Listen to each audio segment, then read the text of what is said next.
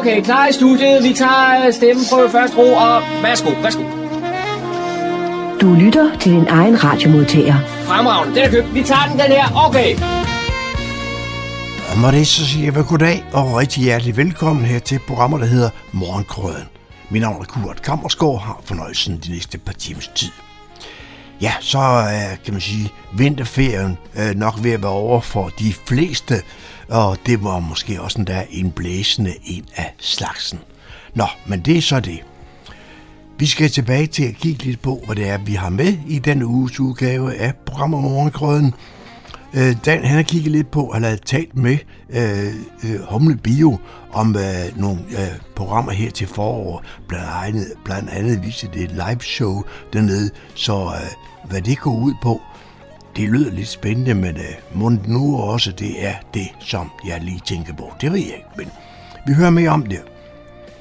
Daniel har også talt med gruppeformanden fra Venstre, han hedder Lars Søndergaard, og, og lidt omkring, kan man sige, arbejdet i det nye byråd.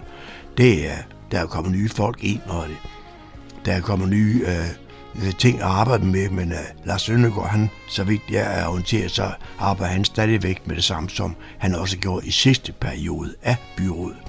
Og det læner sig faktisk nok også en hel del op af hans daglige arbejde. Så det er jo ikke så galt endda. Så øhm, som altid, så har Dan jo også fundet nogle lokale nyheder, dem har han fundet øh, ind på øh, hjemmesiden, der hed humleborg.dk. Det kan du også gøre og følge med i, hvad der sker. Dem skal vi også høre noget af. Cyberværet, som de jo nok hedder, eller mere rettet sagt, IT-sikkerhed, eller måske mangel på samme. Ja, selvom det har været vinterferie, øh, så øh, har det ikke ligget stille, det her med, at øh, der er nogen, der går ind og prøver på at snyde os. Og øh, så hvis man skal ud og rejse, skal man nok til at passe lidt mere på, end man har gjort hidtil. Der kommer der en partis, par, øh, øh kan man sige, tise om, og et par gode råd til, også her i cyberværet i dag. Vi har faktisk fået en folkeuniversitet her i kommunen. Vidste I godt det? Nå, men i hvert fald, John, John Marco har talt med Niels Hall om det. Og så skal de fortælle om, hvad en folkebibliotek, øh, folkeuniversitet, det er jo det, jeg vil sige, øh, hvad, hvad det er, og, og hvordan man kommer med, og hvad det går ud på. Det viser sig faktisk, at der faktisk ret mange kommuner, der har det. Og så, nu var jeg inde på det her med biblioteket, fordi vi skal også lige høre, om ikke også der er lidt friske nyheder fra vores bibliotek, som vi kan nå, måske kan nå her til sidst. Så jeg vil sige rigtig hjertelig velkommen, god fornøjelse. Husk øve ikke også, at hvis ikke I får det hele med, i morgen mandag mellem kl. 18 og kl. 20 kan det hele genhøres. Velkommen til.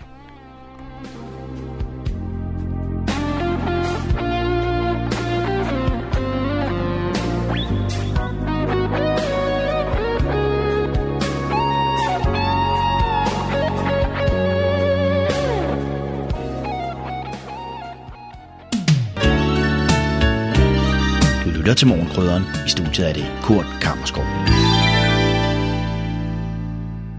Emil Nørholm fra Humle Bio, du er med på telefonen, og I har startet et øh, nyt koncept, som hedder live shows.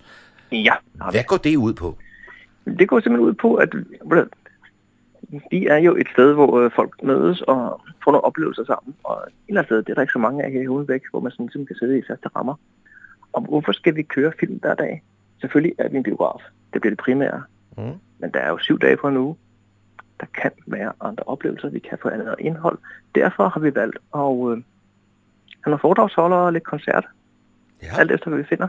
Vi startede med Adrian Hughes her sidste år, hvor han havde sin mors afskedsbrev. Ja. Og øh, nu har vi taget op og booket nogle flere ind. Mm.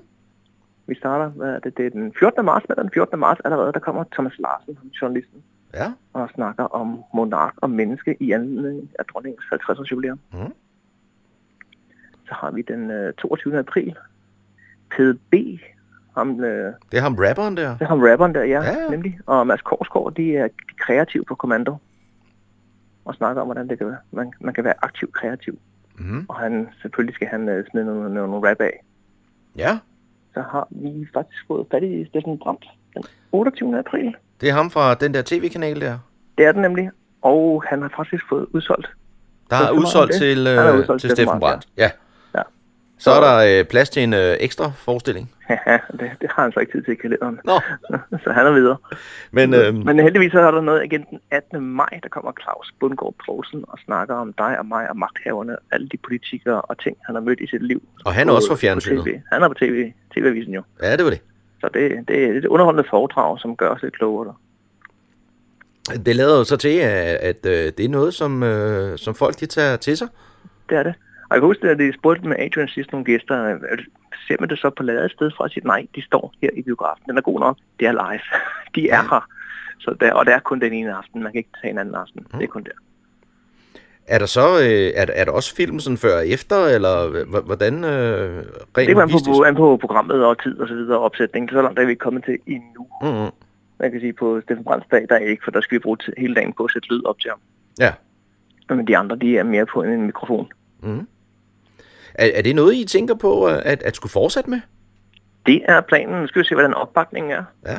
Og vi, altså, vi ved jo godt, det kræver et par gange at komme i sving. Altså, Adrian var halvt fyldt, og Steffen, han er helt fyldt.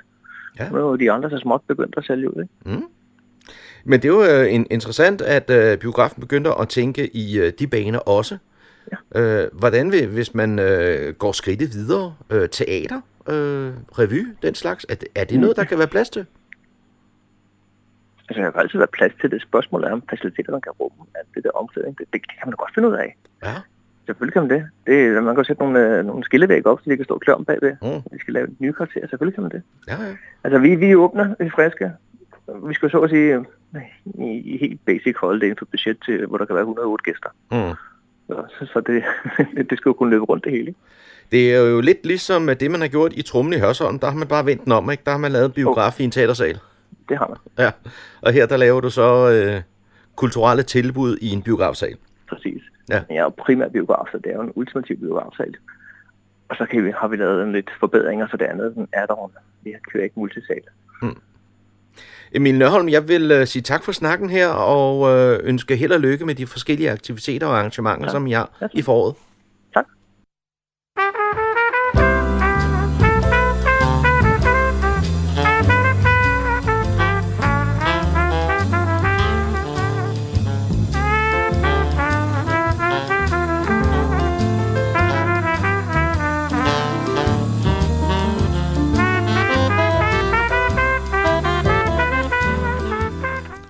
Efter coronapausen er Fredensborg Jazzklub nu klar med jazzmusikken igen.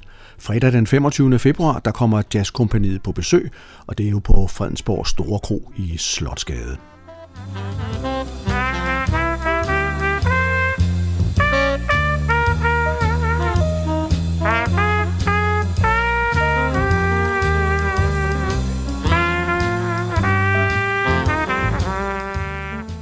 Du kan læse mere om arrangementet på humleborg.dk under Jazzklubben. Og i Fredensborg Jazzklub, der glæder vi os til at få gang i den glade musik.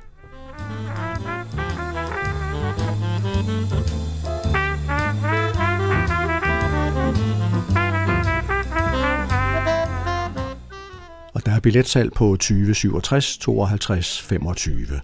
På gensøen den 25. februar til Jazzkompaniet. Sweetheart, I ask no more than this. A kiss to build a dream on. Zabba-doo-doo-dad, give me your lips for just a moment, and my imagination will make that moment live. Give me what you alone can give. A kiss to build a dream on. Arbejdsmarkeds- og Erhvervsudvalget i Fredensborg Kommune er påbegyndt deres arbejde her i øh, det nye byrådsperiode. Lars Søndergaard, der er byrådsmedlem for Venstre i Fredensborg Kommune, han er formand for det her udvalg. Og ham har jeg ringet op til i dag for at høre lidt om, hvad det er, de går og arbejder med. Velkommen til, Lars. Jo, tak skal du have. Jamen, øh, den ligger jo øh, lige for, kan man sige. Hvad øh, laver man i Arbejdsmarkeds- og Erhvervsudvalget i Fredensborg Kommune? Jamen, øh, vi øh, kigger lidt på øh, ledigheden, hvordan ser det ud, og så prøver vi at snakke med administrationen, hvordan kan vi få den her ledighed øh, længere ned, så vi får øh, borgerne i job og i uddannelse. Det er sådan set øh, noget af det primære, og så har vi jo et samarbejde med øh, erhvervsområdet øh, også, hvor øh, vi dækker noget af det. Ja, og, og hvorledes dækker I erhvervsområdet? Nå, der er noget, øh, en indgang, kan man sige, i øh, kommunen, og så øh, guider de videre derfra øh, primært, øh, kan man sige, øh, til de der erhvervscenter, som ligger oppe i Hillerød, ligger der et. Øh, og ellers øh, er der øh, også noget, hvor man kan lege noget kontorfællesskaber øh, nede i øh, kommunen, så hvis man er nystartet eller noget andet, så man kan få sådan et øh, fællesskab. Øh. Og der kan man være op til et år, tror jeg det er. Og det skal jeg ikke kunne sige, om der er nogen, der har været der lidt længere. Men op til et år, så kan man der, og så skal man sådan set videre, så der kan komme nye, der er hele tiden en omsætning, kan man sige. Så For det, nystartede virksomheder. turisme, det er også indover? Ja, lidt er vi også, og det er igen det er den erhvervsmæssige del af det. Altså, kan vi få øh, jobs i forhold til turismen, og, og kan vi hjælpe der? Men det er sådan set meget Nordsjællands øh, turismen, der, der, der øh, altså den samlede, i de fem kommuner, der er samlet omkring det. Altså. Så det vil sige sådan et øh, projekt, der er i gang i Kokkedal om det her format, hvor man snakker om, om der skal være noget hotelvirksomhed i den forbindelse, der, der vil I øh, være en part i den sag? Øh, ja, kommunen, øh, kan man sige, øh, vil være det, men vi jeg er lidt usikker på, om der overhovedet kan blive noget øh, hotel dernede, fordi det øh, er ikke sikkert, man kan få lov til at bygge noget hotel der. Det skal være tættere på noget, på noget offentlig transport, har jeg hørt. Men øh, man kan også selvfølgelig søge dispensation. Jeg er ikke sikker på, om- at man kan få lov til at, bygge et hotel lige der. Men det er rigtigt nok, det her øh, projekt med han der, han, har- han har givet udtryk for, at han gerne vil have et øh, hotel. Men, jeg, men de sidste tegninger, jeg har set, der mm, synes jeg ikke, jeg har set, at hotellet er sådan lidt... Øh, der er lidt mere boliger, ungdomsboliger og, og, og øh, også de store øh, butikker, kan man sige, dem der bliver skrevne varer. Og nu er I jo så kommet i gang her i 2022 med øh, nye folk i øh, øh, udvalget her. Hvorledes er I øh, sammensat øh, sådan mellem partierne? Er det øh, et medlem fra alle partier, eller hvordan er, er, er den sammensætning?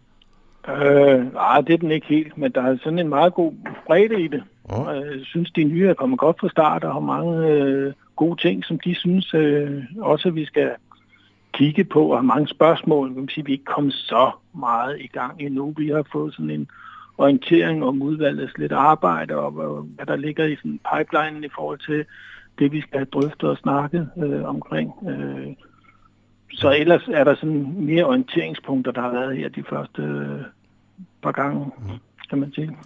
Når man sammensætter øh, sådan et politisk udvalg, gør man det så ud fra sådan nogle politiske forhandlinger, eller ser man også på, om den pågældende har en eller anden øh, erfaring inden for området? Nej, det gør man ikke. Det bestemmer de enkelte partier selv, hvem de gerne vil sætte i udvalget. Og så har man selvfølgelig øh, nogle ønsker, øh, de forskellige partier, til hvem øh, de gerne vil have det. Og så har man måske en, en øh, interesse på området, og så vil man gerne vælges til øh, det udvalg. Mm. Og du har jo selv, øh, du har selv været med i, i udvalget tidligere, så vidt jeg husker, at det var der også formand i sidste periode. Ja, det er korrekt. Ja. Ja. Så, så det er sådan et, et område, du selv kender en del til. Ja, det gør jeg. Det er noget, jeg beskæftiger mig også med det daglige, kan man Ja. sige. Så, så på den måde kender jeg til det. Og så har I jo også øh, et område omkring øh, erhvervspriskomiteen, hvor I skal øh, bidrage med et par medlemmer. Hvad laver den komité?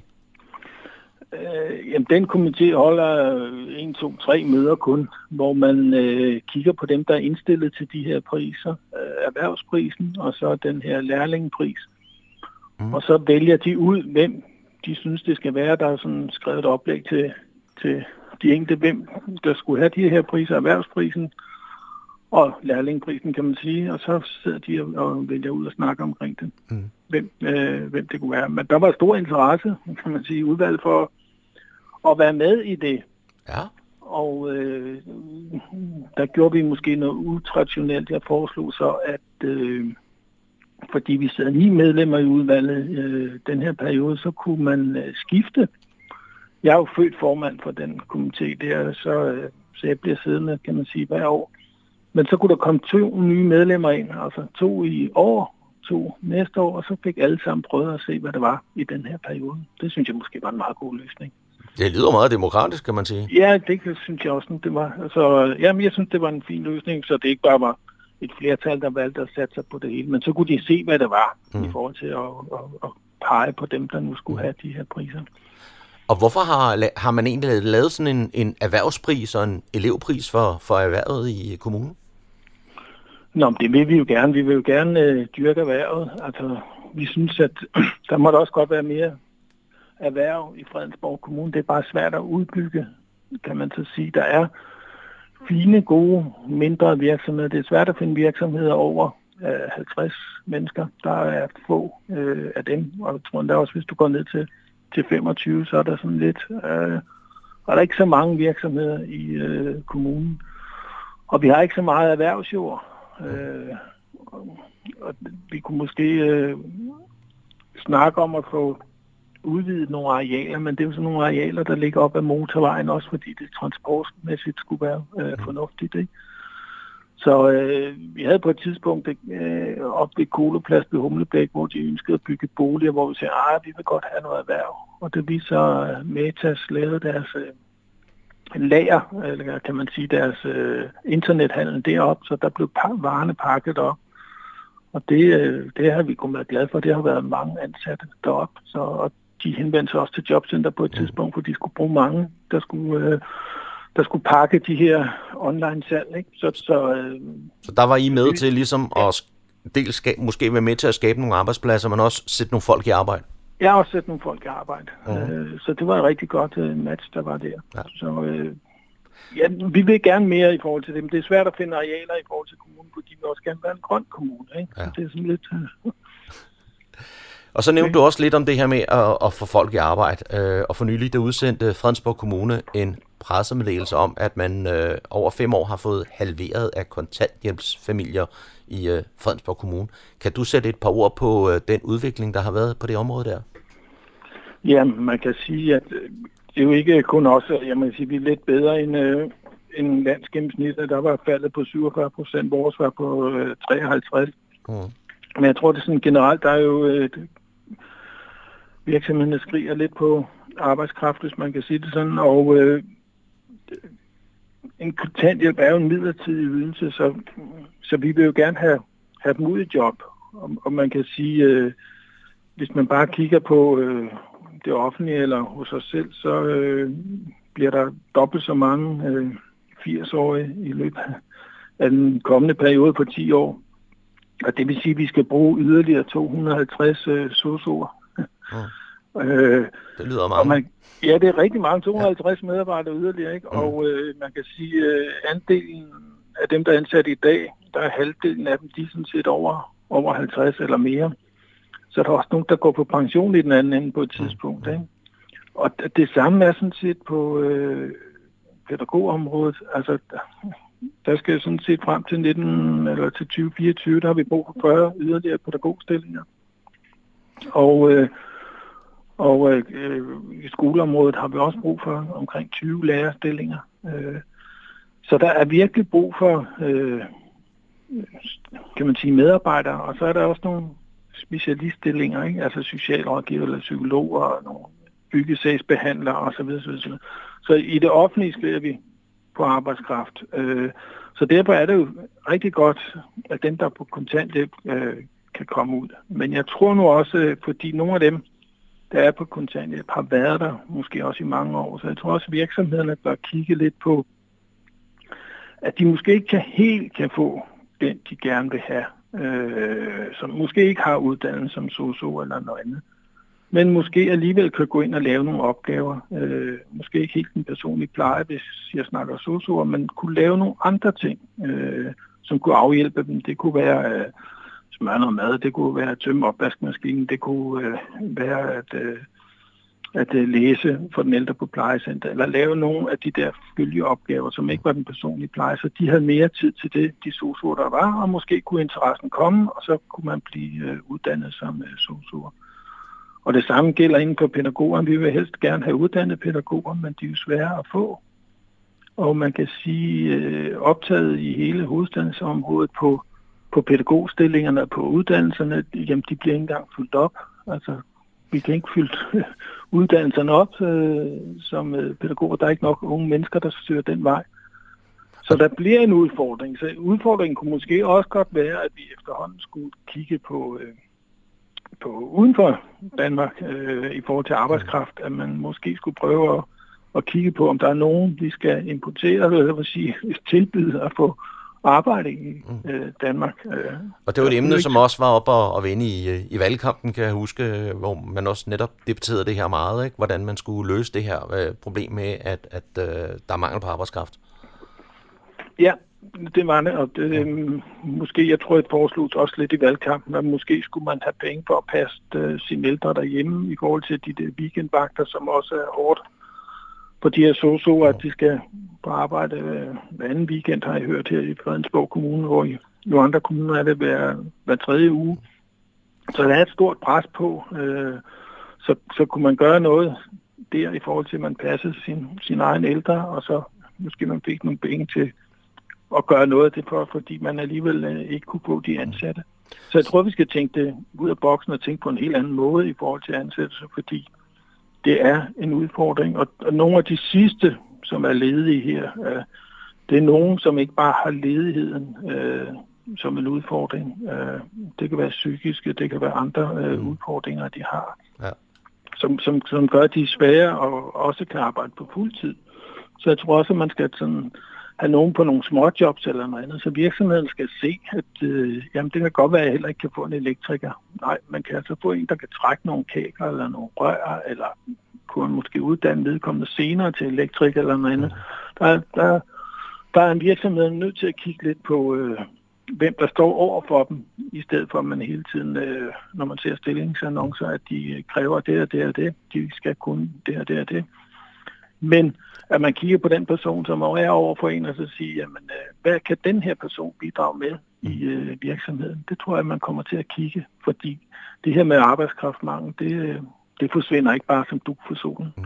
Og jeg ved godt, at nogle kommuner siger, at så giver vi pædagogerne 15.000 mere, og så gør vi det ene og det andet. Men det bliver bare en intern kamp mellem kommunerne. Så, så der kommer til at mangle arbejdskraft i rigtig mange år frem i tiden. Så, så man er nødt til at gøre noget andet. Så det er jo et af de tage... der store øh, opgaver, I så har i øh, fremtiden i jeres udvalg, at arbejde med, med det her problem ja. med mangel på arbejdskraft. Ja. ja. Og der, der, der vil vi jo sådan set snakke med virksomheder, som jeg lige har fortalt om, at øh, ja, måske kan du ikke lige få den, du gerne vil, men mm. kunne du ikke hjælpe en her, som måske kunne komme i gang og kunne være interessant, og mm kunne det ikke lykkes i forhold til, det kunne godt være, at du kunne forme ham, selvom han ikke lige kan det hele, eller hun lige kan det hele lige nu, men kunne måske alligevel bidrage til din virksomhed øh, inden for en periode af tre måneder, eller et år, eller hvad det nu kan være. Ikke? Så, så og hvis det projekt det lykkes, så kan man jo samtidig også vise det som en solstrålehistorie, ikke? Jo, helt sikkert, og dem er der trods alt alligevel mange af. Mm. Øh, der er mange af dem, men jeg siger bare, der er ikke, der er ikke så mange at tage af mere, som Nej. nu nævnt, at at øh, der er langt færre øh, børn, der vokser op med forældre på kontanthjælp. Og det er jo også rigtig godt at se for de børn, fordi det går også lidt i ring, hvis forældrene er hjemme dagligt, og man kommer hjem fra skole, og de sidder og, og er der bare og ikke har været ude på arbejdsmarkedet, så er man måske også en tendens til, at man, det har man set mm. øh, hele sin opvækst. Så, så altså, det skal kan opstå en også, social arv? Ja, nemlig. Så ja. det skal her vel også, ikke? Så der er sådan en social arv, så det, det er rigtig godt, det der er sket her. Men jeg kan være bekymret for, at man ikke kan få den arbejdskraft rundt omkring, som jeg nævnte for dig. Ikke? Mm. Vi skal bruge rigtig mange medarbejdere, og der bliver kamp om dem. Så det der med at kigge over på den anden side af sundet, eller længere væk i forhold til at få noget arbejdskraft, det kunne godt være, at man skulle, øh, skulle kigge på det. Jamen det er jo noget, som vi måske kan, kan følge lidt op på øh, igennem den næste periode her, og se om øh, det er noget, der lykkes øh, her i Fredensborg Kommune. Jeg vil sige tak til dig, Lars Søndergaard, byrådsmedlem for Fredensborg. Jo, tak skal du have. Du lytter til Morgenkrydderen. I studiet er det Kurt Kammerskov.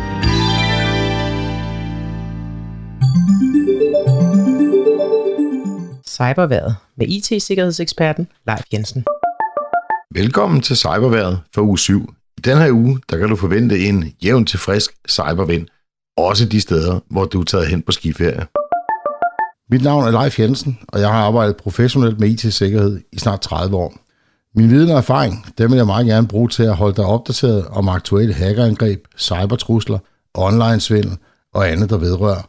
Stort set os alle sammen, både privat og ude i virksomhederne. I denne og næste uge er det jo vinterferie, og efter nedlukninger og restriktioner, så er mange danskere begejstrede for igen at kunne rejse på skiferie. Kombinationen af rejseløst og det faktum, at vi måske alle er lidt rustne, når det gælder at rejse udenlands, gør, at mange nok har paraderne nede, når det gælder sikkerheden. Så hermed et par friske tips, når du rejser, så kan du nyde ferien uden at tænke på at få stjålet hverken data eller penge. Selvom det er dejligt nemt at bruge kreditkort alle steder, så hæver alligevel nogle kontanter og brug kun kreditkortet, når det er absolut nødvendigt. Når du skal hæve kontanter i udlandet, så sørg for at gøre det i en hæveautomat i eller uden for en bank. Alternativt på hotellet. Undgå at bruge tilfældigt opstillede automater. Dels er der ikke så godt styr på sikkerheden, og dels betaler man ofte et alt for højt vekselgebyr. Når du skal betale med kreditkort, så lad være med at flashe det, så folk bagved dig kan se kortet. Det er alt for nemt at stå med en moderne mobiltelefon og tage et billede på afstand, og så stadig kunne læse både kortnummer og udløbsdato på kortet. Hvis en tjener på en restaurant siger, jeg går lige ud bagved og klarer betalingen med dit kort, så sig venligt, men bestemt, nej, du går altså ingen steder med mit kort, og betal så med kontanter i stedet. Undgå at bruge offentlig wifi. Brug hellere data på din mobiltelefon. Det er meget mere sikkert. Men tjek først lige med dit mobilselskab, om du har fri data i udlandet. Hold godt øje med din telefon. Læg den i lommen, når du ikke bruger den. IT-sikkerhedsvirksomheden ESET har netop udgivet deres trusselsrapport, som gør status for 2021. I statistikken kan man se, at den ransomware, der hedder WannaCry, der bredte sig med lynets hast tilbage i 2017, stadig ligger på førstepladsen som den mest aktive ransomware. Årsagen til, at den stadig bliver brugt, er desværre, at mange endnu ikke er fuldt beskyttet imod den. Antallet af phishing mails steg i 2021 med hele 145 procent i forhold til 2020, og der er ingen udsigt til, at denne vækst vil aftage i 2022. I 2021 var der mange medarbejdere, som mere eller mindre frivilligt måtte etablere hjemmekontor, og det benyttede de IT-kriminelle sig af. I 2021 så ESET hele 206 milliarder RDP-angreb. RDP er en teknologi, der bliver brugt til at give adgang til et fjernskrivebord, og mange virksomheder har desværre ikke fået etableret en helt sikker måde at give denne adgang på. Hvis du har lyst til at læse hele rapporten, som OK godt kan, det kan godt være lidt nørdet, så kan du finde den på hjemmesiden welivesecurity.com. I sidste uge blev et dansk hostingfirma ramt af et hackerangreb. Det har blandt andet ramt ejendomsmalerkæden Realmalerne. Ejendomsmalerkæden oplyser til mediet Computer World, at man forventer, at angrebet vil koste omkring 10 millioner kroner. I løbet af 2021 blev de kriminelle meget mere målrettet i deres angreb. Den udvikling forventer jeg vil fortsætte her i 2022.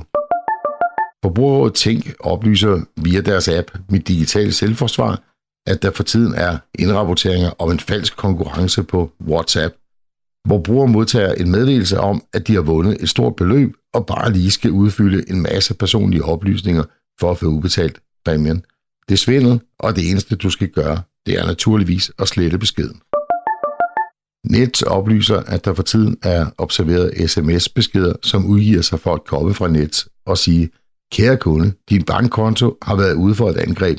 Derfor har vi oprettet en ny sikker konto til dig. Du bedes overføre dine penge til denne konto. Og herefter følger beskeden. Du får dit nye login på din e-boks, når kontoen er aktiveret. Vi beklager. Denne besked kommer naturligvis ikke fra net, så du skal bare slette den. Hvis du hører om nogen i din familie eller omgangskreds, som får den her besked, så husk at advare dem om, at det er fup og svindel. Forbrugerrådet Tænk oplyser via deres app Mit Digitale Selvforsvar, at en del brugere er blevet ringet op af nogen, som udgiver sig for at være enten fra banken eller politiet, for at fortælle, at der har været uautoriseret adgang til deres bankkonto. Og så er de så venlige, at de gerne vil hjælpe, hvis man bare lige oplyser sit NemID og sender et billede af sit nøglekort. For mange af os, der lyder det her jo helt åbenlyst som svindel, men årsagen til, at det stadigvæk foregår, det er desværre, at en del danskere stadigvæk hopper i fælden. Det bliver selvfølgelig lidt sværere for de kriminelle nu, hvor nøglekortet forsvinder, og vi skal bruge det nye MitID for at logge på banken. Men eftersom NemID fortsat vil eksistere til mange andre tjenester, så skal de kriminelle nok finde en anden salgstale for at forsøge at lokke dig i fælden. Det var cyberværet for denne gang. Vi er tilbage igen med en ny cyberværetudsigt igen næste uge. Tusind tak, fordi du lyttede med. Radio Humleborg, fordi vi elsker at lave radio til dig. Her er de lokale nyheder og kulturinformationer fra humleborg.dk. Jeg er Daniel Jørgensen. Efter sommerferien deltager alle Fredensborg Kommunes nye 0. klasser samt 13 børnehavegrupper i forløbet Musik med krop, som skal udvikle børnenes musiske og kropslige forståelse. Fredensborg Musikskole har i samarbejde med Niveau Gymnastikforening udviklet forløbet Musik med krop, som nu bliver til virkelighed for hundredvis af kommunens 4-6-årige børn. Det sker i kraft af en bevilling på 1,7 millioner kroner fra Slots- og Kulturstyrelsen. Der er ingen tvivl om, at vi ved udvikling børnenes musiske, kunstneriske og motoriske færdigheder også udvikler deres identitet, læring og fejlmodighed. Så jeg glæder mig virkelig over, at vi nu kan realisere dette ambitiøse forløb i både skoler og dagtilbud, udtaler Per Frost Henriksen, der er formand for børne- og skoleudvalget. Målet med forløbet er at løfte undervisernes kompetencer gennem en ny kunstpædagogisk praksis, der favner dans, musik, rytmik og grundmotorisk træning. Projektet gennemføres med tilskud fra Grib Engagementet, pulje til kommunale modelforsøg med at få flere børn og unge til at møde kunst og kultur. Det er blevet højtid for klovne, cowboys, mobiltelefoner, hekse, prinsesser og andre udklædninger. Og derfor er der søndag den 27. februar faste lavnsgudstjeneste i Asminderød Kirke kl. 14.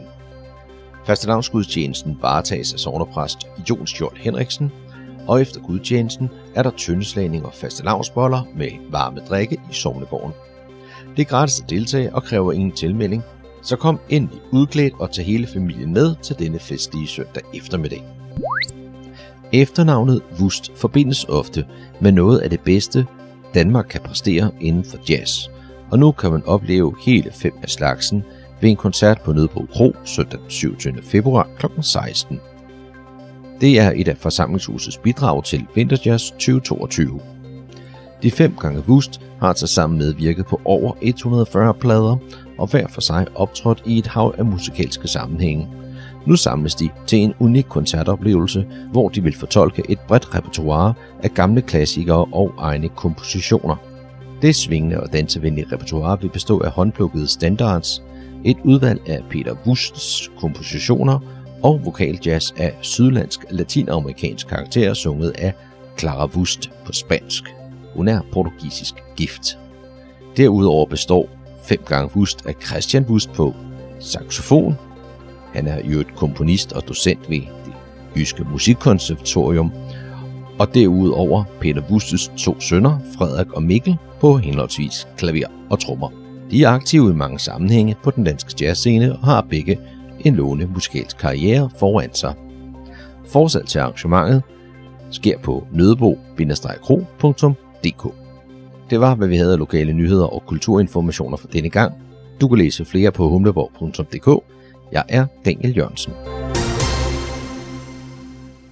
Jeg sidder her sammen med Nils Hall, og øh, inden vi går videre i vores lille snak her, Nils, så skulle du lige have lov til at fortælle lidt om dig selv. Ja, jeg er jo opvokset på Frederiksberg og flyttede til Niveau for cirka 50 år siden, hvilket vi ikke har fortrudt. Jeg er uddannet geolog og har været ansat på Geologisk Museum, og selvom jeg nu er i slutningen af 70'erne, så kommer jeg på museet sådan et par gange om ugen stadigvæk. Og så har jeg igennem mange år været formand for Naturfredningsforeningens lokale afdeling, først i Karlebo Kommune og sidenhen i Fredensborg Kommune efter kommunesamlægningen men det stoppede jeg med for 4, 5, 6 år siden, men jeg er stadigvæk med i den lokale bestyrelse. Og som geolog, der har jeg arbejdet med vulkanismen i det nordatlantiske område, Grønland, Island og Færøerne. Og så er jeg ellers som ansat på Geologisk Museum beskæftiget mig meget med formidling. Så man kan sige, at det, at jeg nu har givet mig i kast sammen med andre med et folkeuniversitet, det ligger jo så i forlængelse af, af denne indsats på museet, kan man sige.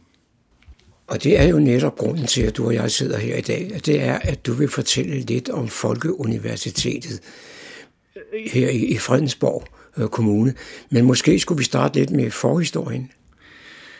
Ja, altså de første folkeuniversiteter, de blev etableret i England i midten af 1800-tallet.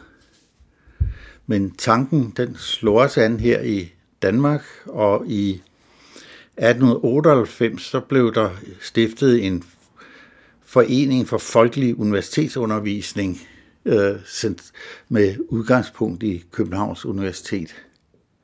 Og sidenhen så er der også kommet folkeuniversitetsafdelinger i Odense, Aarhus og Aalborg, altså igen i universitetsbyerne. Men herudover så er der også lokale folkeuniversiteter, og der er efterhånden kommet ganske mange. Jeg har ikke lige antallet. Men her i Nordsjælland er der i Frederikssund og Hillerød og Gribskov og Helsingør, og nu altså også i, i Fredensborg. Måske skulle du lige fortælle os, hvad Folkeuniversitetet beskæftiger sig med. Hvad kan man blive udsat for? Ja, man kan jo blive udsat for øh, kvalificerede undervisere. Det kan man også mange andre steder. Men at der ligger jo i ordet folkeuniversitet, at det er undervisning på universitetsplan. Dog ikke værre, end at alle skal kunne være med. Man skal selvfølgelig have være interesseret, og det går vi jo også ud fra, at det, der melder sig til foredragene, de er. Men det er altså for alle, der har lyst til at lære noget nyt og udvide deres horisont. Men til forskel fra den egentlige universitetsundervisning, så er der jo altså ikke nogen eksamener. Hvad koster det at deltage? Ja, det er jo lidt forskelligt. Altså, vi regner med her i Fredensborg, at standardprisen for en, et foredrag er, er 100 kroner. Men afhængig af, hvor meget støtte vi kan få udefra, så er det jo også muligt, at vi kan gøre det billigere. Men det er nok forskelligt fra gang til gang. Men kan man sige, standardprisen det er 100 kroner, det svarer også til, hvad man ser mange andre steder. Man kan sige, at folkeuniversiteterne de fungerer som bindeled mellem videnskab, kultur og samfund. Og på den måde så fremmer de demokratiforståelse og aktiv medborgerskab. Og så er Folkeuniversitetet her i Fredensborg Kommune startet i september måned 21, og du er valgt som formand. Hvordan kom det egentlig i gang? Ja, det er jo noget, vi har talt om i mange år. Blandt andet Karl Holten Andersen øh, har været fortaler for dig, og ikke mindst Paul Erik Kandrup, som er leder af Folkeuniversitetet i Helsingør, og som både Karl Holten og jeg har kendt i, i mange år. Vi fik så nedsat en bestyrelse, der for uden formanden tæller Egon Erlandsen som næstformand og kasserer, Henrik Lisberg som sekretær, Arne Lund, Tineborg Jacobsen og Gorm Thorsen.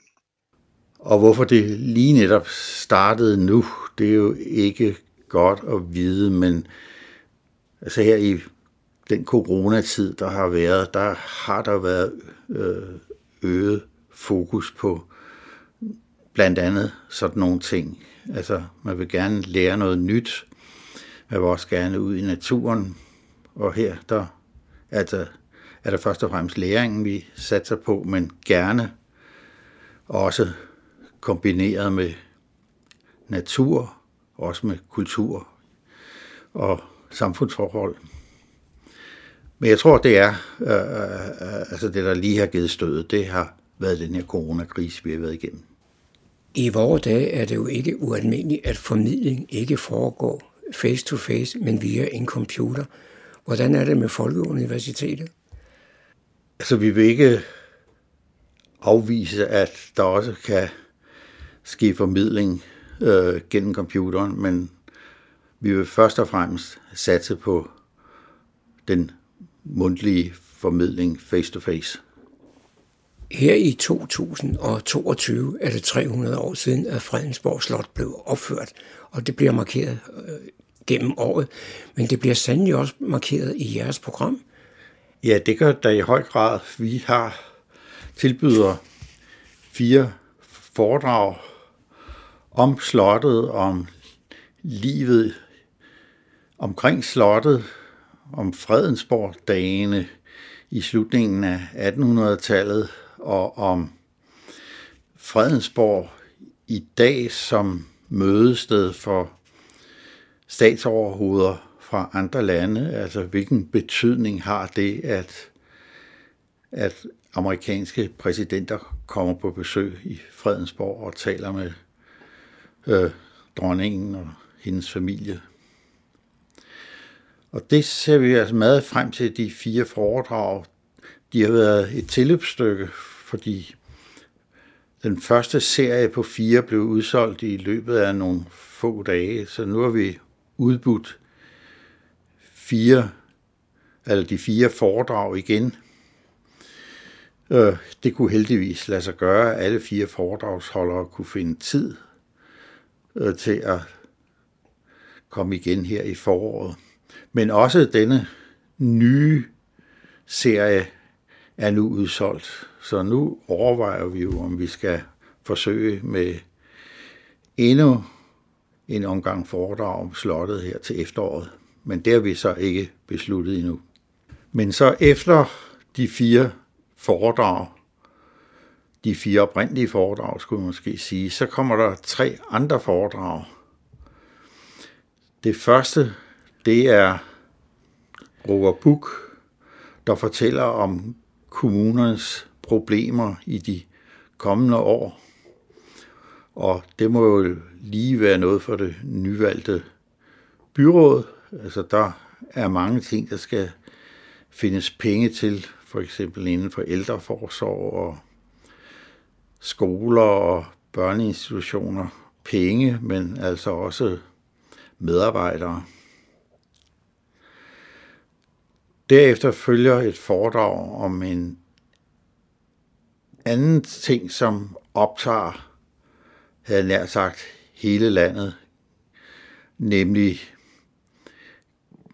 den, det, man nogle gange har kaldt den sjette masseuddøen på jorden, altså hvorledes at planter og dyr vanskeligt kan klare sig, dels fordi vi bliver flere og flere mennesker, men også øh, på grund af de klimaskabte forandringer, som dyre- og plantelivet er underlagt.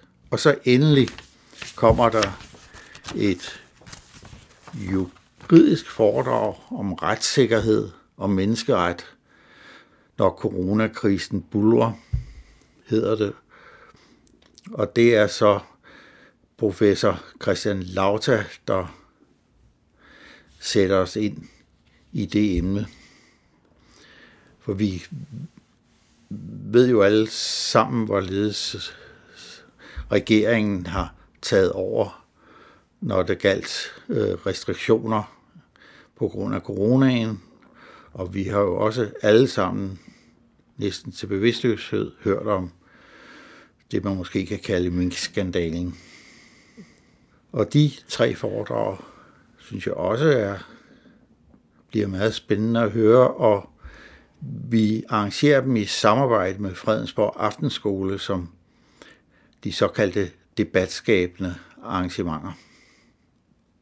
i det hele taget, så har vi jo altså lagt vægt på ikke at stå alene, men vi samarbejder med andre. Altså for de fire første slotsforedrag, der var det de lokalhistoriske foreninger i Fredensborg, Humlebæk og Karlebo og Bevaringsforeningen i Fredensborg og så endelig Borgerforeningen øh, Fredensborg by.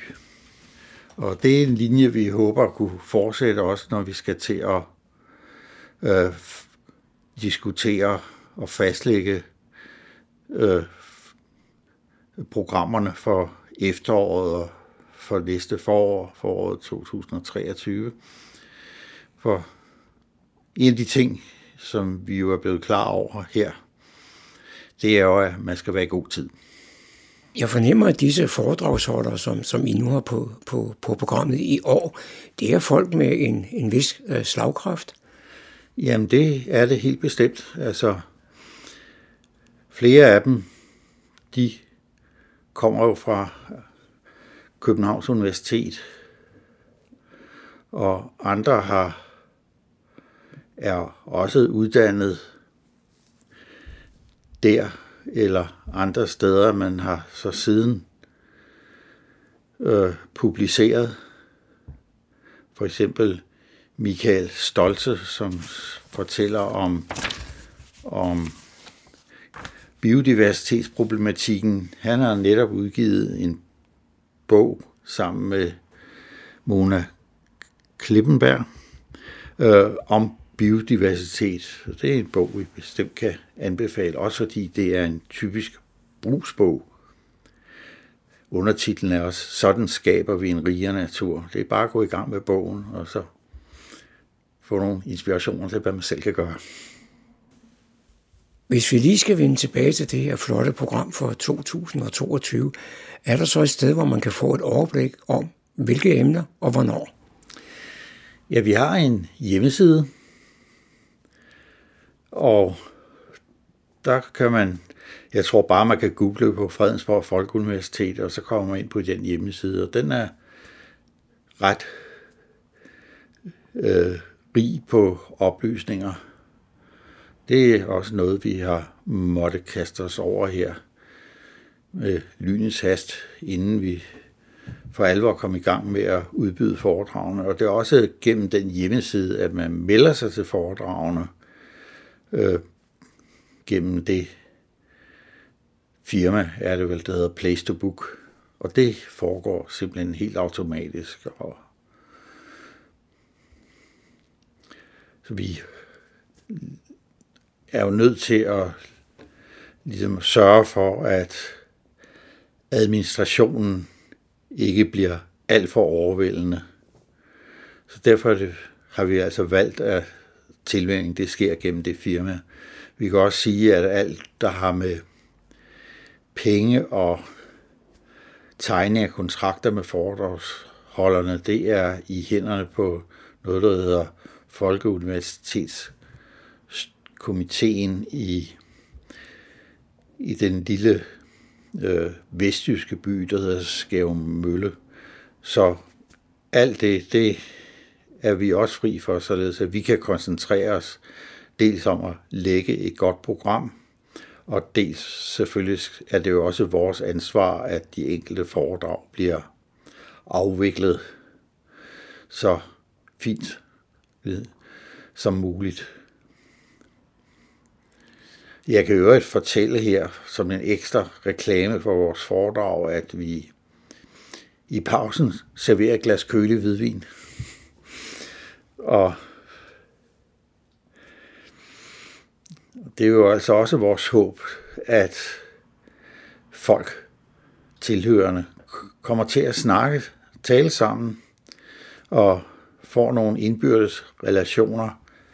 Det kniber måske lidt, når der melder sig 70 til slotsforedragene, men de øvrige foredrag vil jeg gætte på, hvis man skal sammenligne med andre folkeuniversiteter, der kommer måske sådan mellem 25-35 stykker, og så er der jo mulighed for, at man kan få talt, snakket lidt med, med hinanden og netop over det der glas vin. Så vi håber på, at foredragene også vil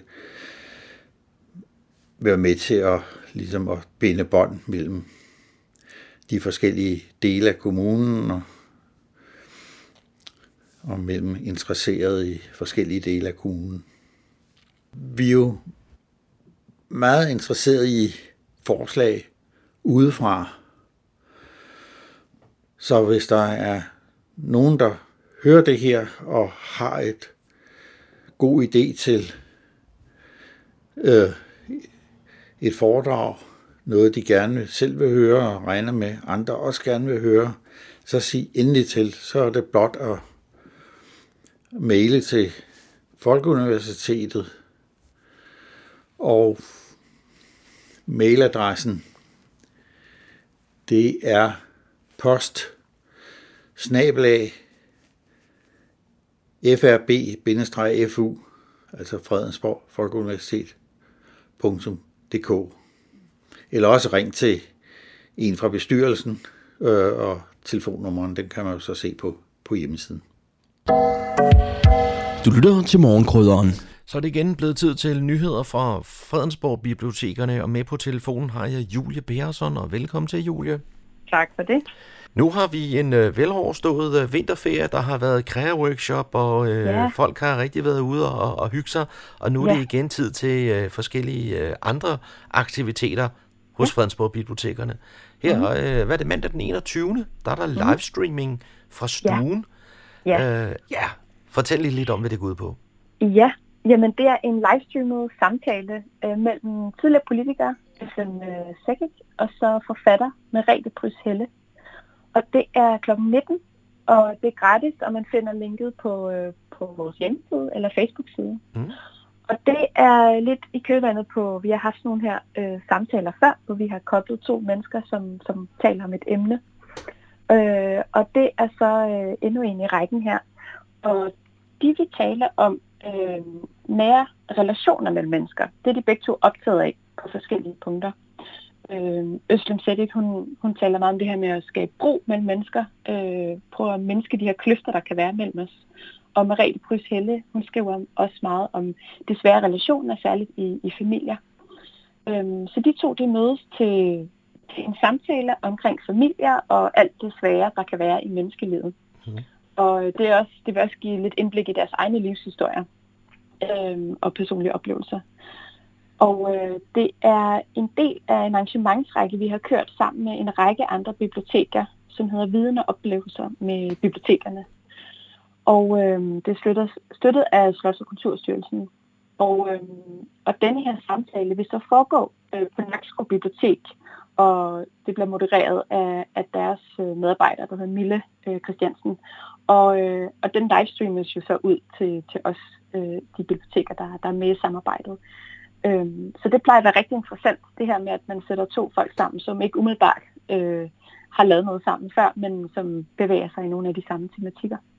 Og det kan man simpelthen se øh, på, på sin computer eller tablet, eller hvad, hvad man har sådan af, af medie, ja. og, og et link, det finder man inde på, på jeres hjemmeside eller Facebook-side.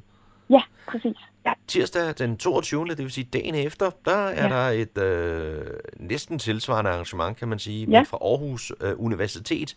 Mm. Mm. Hjernen, når man sover, er øh, ja. foredragets titel. Ja. Og hvad går det så ud på? Jamen altså, det går jo ud på, det er jo de her øh, naturvidenskabelige foredrag, som vi med stor øh, succes streamer øh, via Aarhus Universitet. Og øh, det er 1845 øh, til 21, øh, og det er på Fredensborg Bibliotek. Og så her, er... der skal man altså møde rent fysisk op, og så se et, et livestreamet foredrag? Ja, modsat andet, så kan man ikke sidde derhjemme øh, i stuen. Det er, det er på biblioteket, vi har lov til at vise det. Så vi plejer at skabe sådan en hyggelig, lidt biografagtig stemning. Så man møder op på Fredensborg Bibliotek, men man skal altså have bestilt en billet, øh, selvom det er gratis. Der er et, et, øh, begrænset antal, og jeg vil varmt anbefale, at man, man går ind og gør det, fordi de plejer faktisk at øh, blive revet væk, de her billetter. De er meget populære. Mm. Øhm, og ja, som du sagde, så handler det om den sovende hjerne den her gang. Og det, øh, der dykker vi ned i, øh, hvad der sker i vores hjerne, når vi sover, og hvorfor søvn egentlig er så nødvendigt. Og der er en masse mystik forbundet omkring søvnen. Øhm, og øh, neurofysiolog Birgitte Rabeck Kornum, hun øh, er forelæser den her aften, og vil give nogle eksempler på, øh, hvordan hendes øh, søvnforskning udføres, øh, og øh, hvilke resultater øh, hun er kommet frem til. Så det, det synes jeg lyder ret spændende. Det skal man endelig kigge ind til. Mm-hmm. Og der skal man også lige sørge for at sikre sig en billet i forvejen. Ja, det skal man. Ja. Øh, man går ind på vores hjemmeside og finder det. Øh, så selvom det er gratis, så skal man have billet med. Ja. Det er meget rart for jer at vide, hvor mange stole I skal sætte frem. Ja, det, ja, præcis. Og altså, man kan altid, hvis man har problemer øh, med, med at finde frem til tingene på vores hjemmeside, så kan man jo altid komme ned i vores betjent åbningstid, og så skal vi nok hjælpe med at sørge for det. Mm-hmm. Så har I tredje foredrag onsdag den 23. Og der er det et godt gammeldags foredrag, hvor man simpelthen Ja. nærmest sidder øh, ansigt til ansigt med, Ja, med hinanden. præcis.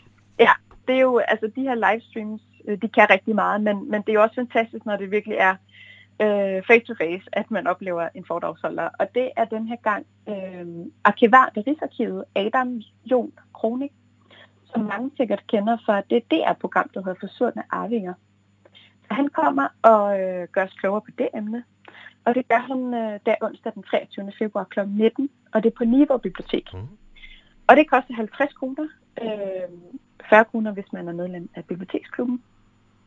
Og øh, han arbejder jo på Rigsarkivet, hvor der er en masse øh, hylder øh, med, med store og små Danmarks historier og en masse personhistorier.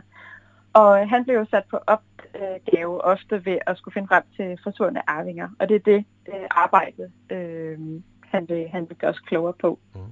Og man kan måske også få sådan lidt øh, fif til, hvordan man øh, selv øh, leder efter forsvundne arvinger. Ja, det kunne jeg forestille mig. Og man kan sige, at hvis man bliver meget inspireret efter det her, så har vi jo vores øh, slægtsforskningscafé, som kører i Fredensborg Bibliotek. Så der kan man jo også øh, fortsætte sin jagt videre, måske med nogle fif for ham. Torsdag den 24. februar har I samtalesalon i Niveau. Ja. Ja. Det har vi, øh, og det er klokken 10 om formiddagen. Øhm, og øh, det er det her meget øh, spændende og hyggelige koncept, der hedder samtalesalon, som jo handler om, at der er nogen, øh, der modererer de her samtaler, så der er fundet et emne og nogle spørgeskemaer frem på forhånd, og øh, så bliver man løbende delt op i nogle større og mindre grupper, så, øh, så samtalen ligesom bliver, formen bliver styret lidt udefra, øh, og så møder man jo de her øh, nye samtalepartnere, øh, så det er en god øvelse i både at ytre sig og lytte, øhm, og øh, man er meget velkommen til at troppe op på egen hånd, og man kan også tage en ven med under armen. Og øh, ja, det skal simpelthen handle om drømme, og øh, i alle mulige afskygninger. Øh, så jeg tror, det, det bliver et rigtig spændende emne. Og det hænger også lidt sammen med øh, emnet fra om tirsdagen, ikke? Med, med hjernen, når den sover. Fordi Ja, det er jo også Ja, noget med, med drømme. Mm, præcis, ja. Og vi bliver ja. jo sådan lidt ved emnet, ikke? Fordi øh, samme dag har I et foredrag med øh, Charlotte Bæk, der også snakker lidt om hjernen. Ja, det er det. Det er lidt en, øh, en hjernemåned, øh, Mm. februar måned her, og øh, hun er læge, øh, Charlotte Bæk, og hun vil tale om, hvad der sker i vores hjerne, når vi mediterer. Og det er kl. 19 på Humlebæk Bibliotek. Øhm, og det koster øh, 40-50 kroner, afhængig af, om man er medlem af biblioteksklubben. Og foredraget det handler om, øhm, hvordan man styrker sin hjerne ved hjælp af meditation. Øhm, fordi meditation det gør en masse godt for vores hjerne. Øh, det kan forbedre blodgennemstrømning og øh, graden af samordning mellem hjernens forskellige områder. Og øh, øh, hun vil også gøre os klogere på, hvilke slags meditationer der findes, og hvornår man kan bruge det ene frem for det andet. Og Charlotte Bæk, hun, hun er som sagt læge, og hun arbejder til daglig med at vejlede patienter øh, via det, hun kalder sundhedsmøder og kurser. Og det, hun gør, det er, at hun kombinerer øh, det bedste fra to verdener, nemlig den moderne lægevidenskab, men også øh, med den mere alternative retning, altså de naturlige metoder, som motion, kost, livsstil og også noget yoga og, og det, man kalder Ayurveda. Mm. Øhm, så jeg tror, det bliver et ret spændende mix af de her to medicinske verdener. Og, øhm, Og, og det er jo egentlig også sådan lidt, at noget, der virker for, for, for en person, virker måske ikke på en anden, men så er der en anden mulighed, ikke? Altså, Ja, kan man kombinere præcis. tingene på den måde. Det er det. Det handler også om at tilpasse det til, til hvordan man selv er Mm. bygget. Øhm, men ja, altså med fokus på, på meditation. Øhm, og det her arrangement, det er faktisk også et, et kick-off øh, arrangement til det forløb, der hedder Hold Hjernen Frisk med biblioteket, som starter op 1. marts. Mm. Øh, så de deltagere, der er med der, de får øh, billetten her med i forløbet, men, men ellers er det åbent for alle, og man, man kan som sagt bare købe billet som, mm. som normalt. Og vi har jo tidligere talt om det her forløb med, med Hold Hjernen Frisk, og mm. øh, der ved jeg da, at øh, det er også en, en, en aktivitet, som I har fået udsolgt her, øh, ja. det som starter her lige om lidt. Præcis. Mm. Øh, altså det er vi jo rigtig glade for, der har været stor øh, tilslutning til det, og der er også en venteliste på, så så man skal endelig stadig øh, være frisk og skrive sig på venteliste, hvis det er. Øhm, men, øh, men det er så det er et forløb for, øh, for borgere, der er 60 år og op efter, og det handler om, at vi skal øh, gang, eller hvad skal man sige, holde hjernen godt ved lige ved hjælp af både noget motion, men også nogle øh, forskellige litteraturaktiviteter. Øhm, og det er et samarbejde med Dagcentret i Humlebæk, ja. og det er et projekt, der er støttet af, af DGI. Øhm, og det forløber over otte øh, tirsdage, øh, og vi glæder os rigtig meget til at komme i gang. Det er mig og min kollega, der står for det. Det bliver spændende at øh, følge mm. med i og følge op på. Ja. Og så ud over ja. de her aktiviteter, I har på, på biblioteket, kan man selvfølgelig altid gå ned og låne en bog eller to. Ja, det er, jo, det er jo virkelig også det, vi er her for. Og vi er også klar til at give øh, nogle gode anbefalinger med på vejen. Så hvis man kommer ned og løber lidt tør for idéer, så kan man bare komme ned og snakke med os, så skal vi nok hjælpe. Og med det, så vil jeg sige tak til dig, Julia Persson fra Fredensborg Bibliotekerne, om denne information. Jamen, tak fordi jeg måtte være med. Så er det igen blevet tid til kulturnyheder fra humleborg.dk. Bag mikrofonen er det Daniel Jørgensen. Det bliver igen en sprudlende champagnekoncert med Fredensborg Byorkester slår sig løs i den gamle biograf, og de skal op med festlig musikalsk underholdning. Man kan glæde sig til at høre populære numre fra både det klassiske program, jazz og musik fra musicals og film, og det sker søndag den 27. februar kl. 15. Efter to års indestængthed på grund af corona, tripper byorkestret som forårskodet føl, der skal på græs. De glæder sig til igen at møde sit publikum. Glæden vil smitte af på publikum, der igen i år får lejlighed til at synge med på dejlig fællesang. Byorkestret har inviteret to unge sangtalenter, mezzosopranen Lea Foxman og baritonen Albert O. Strandgaard med. De fremfører kendte og i ørefaldende melodier fra både opera, jazz og populær musikken. Dirigent Søren Elit Sørensen leder koncerten. Den er delt op i to, og i pausen bydes på et glas champagne og lidt snacks. Billetter købes online på www.fredensborgbio.dk. Og vi bliver ved musikken opleve en livestreamet klassisk koncert af bandet Kind of Cyan, som spiller Lera Aufbach med udgangspunkt i Johann Sebastian Bach. Det er den 1. marts. Koncerten afholdes på det kongelige bibliotek, men livestreames fra Niveau Bibliotek. Det starter kl. 17, men man skal bestille billet på fredensborgbibliotekerne.dk, og der er gratis adgang. Kind of Science består af violinist Cecilia Balling, cellist Josefine Opsal og pianist Cecilie Tangmos. Inden for konstellationen trio, duo og solo har musikerne i Kind of Sign gennem årene arbejdet med fusion og nye fortolkningsmuligheder af klassisk musik gennem frie, kontrasterende metoder som improvisation og elektronisk lydmanipulation. Er man mere til salsa og karibisk stemning, så kan man besøge foreningshuset Mødebo Kro fredag den 4. marts og opleve salsaorkestret Viva. Viva består af salsamusikere fra Danmark, som har fundet sammen i en fælles interesse for en særlig æra i kubansk musik, der hylder det enkle og melodiske og ikke mindst det dansable med smægtende ballader og medrivende rytme. Publikum tages med på en rejse gennem landskabet af gamle kubanske hits. Der er latinversioner af de største hits fra blandt andre Pharrell Williams og Duffy, og indimellem et par egne kompositioner. Inden musikken starter, kan man spise middag fra kl. 19 med en toretters menu, og musikken starter kl. 21. Spisebilletterne skal købes i forsalg på forsamlingshusets hjemmeside mødebo-kro.dk senest onsdag den 2. marts kl. 12. Det var, hvad vi havde af kulturelle nyheder fra humleborg.dk. Bag mikrofonen var det Daniel Jørgensen.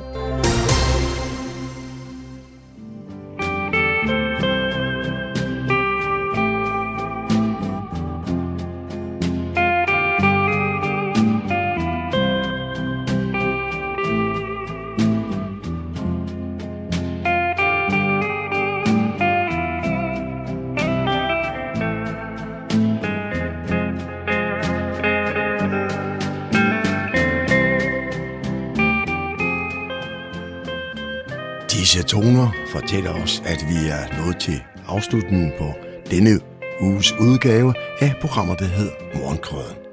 Her fra redaktionen, som består af undertegnet, jeg hedder Kurt Kammersgaard.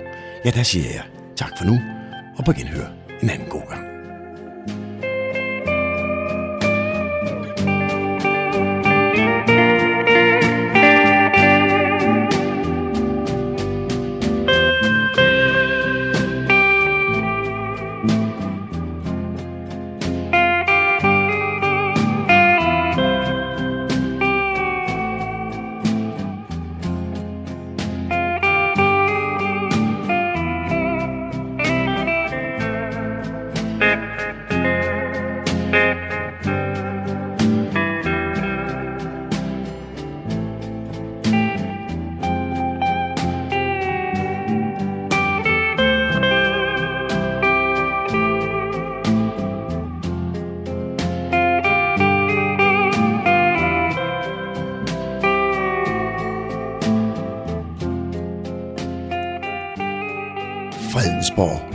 Radio, Radio Humleborg.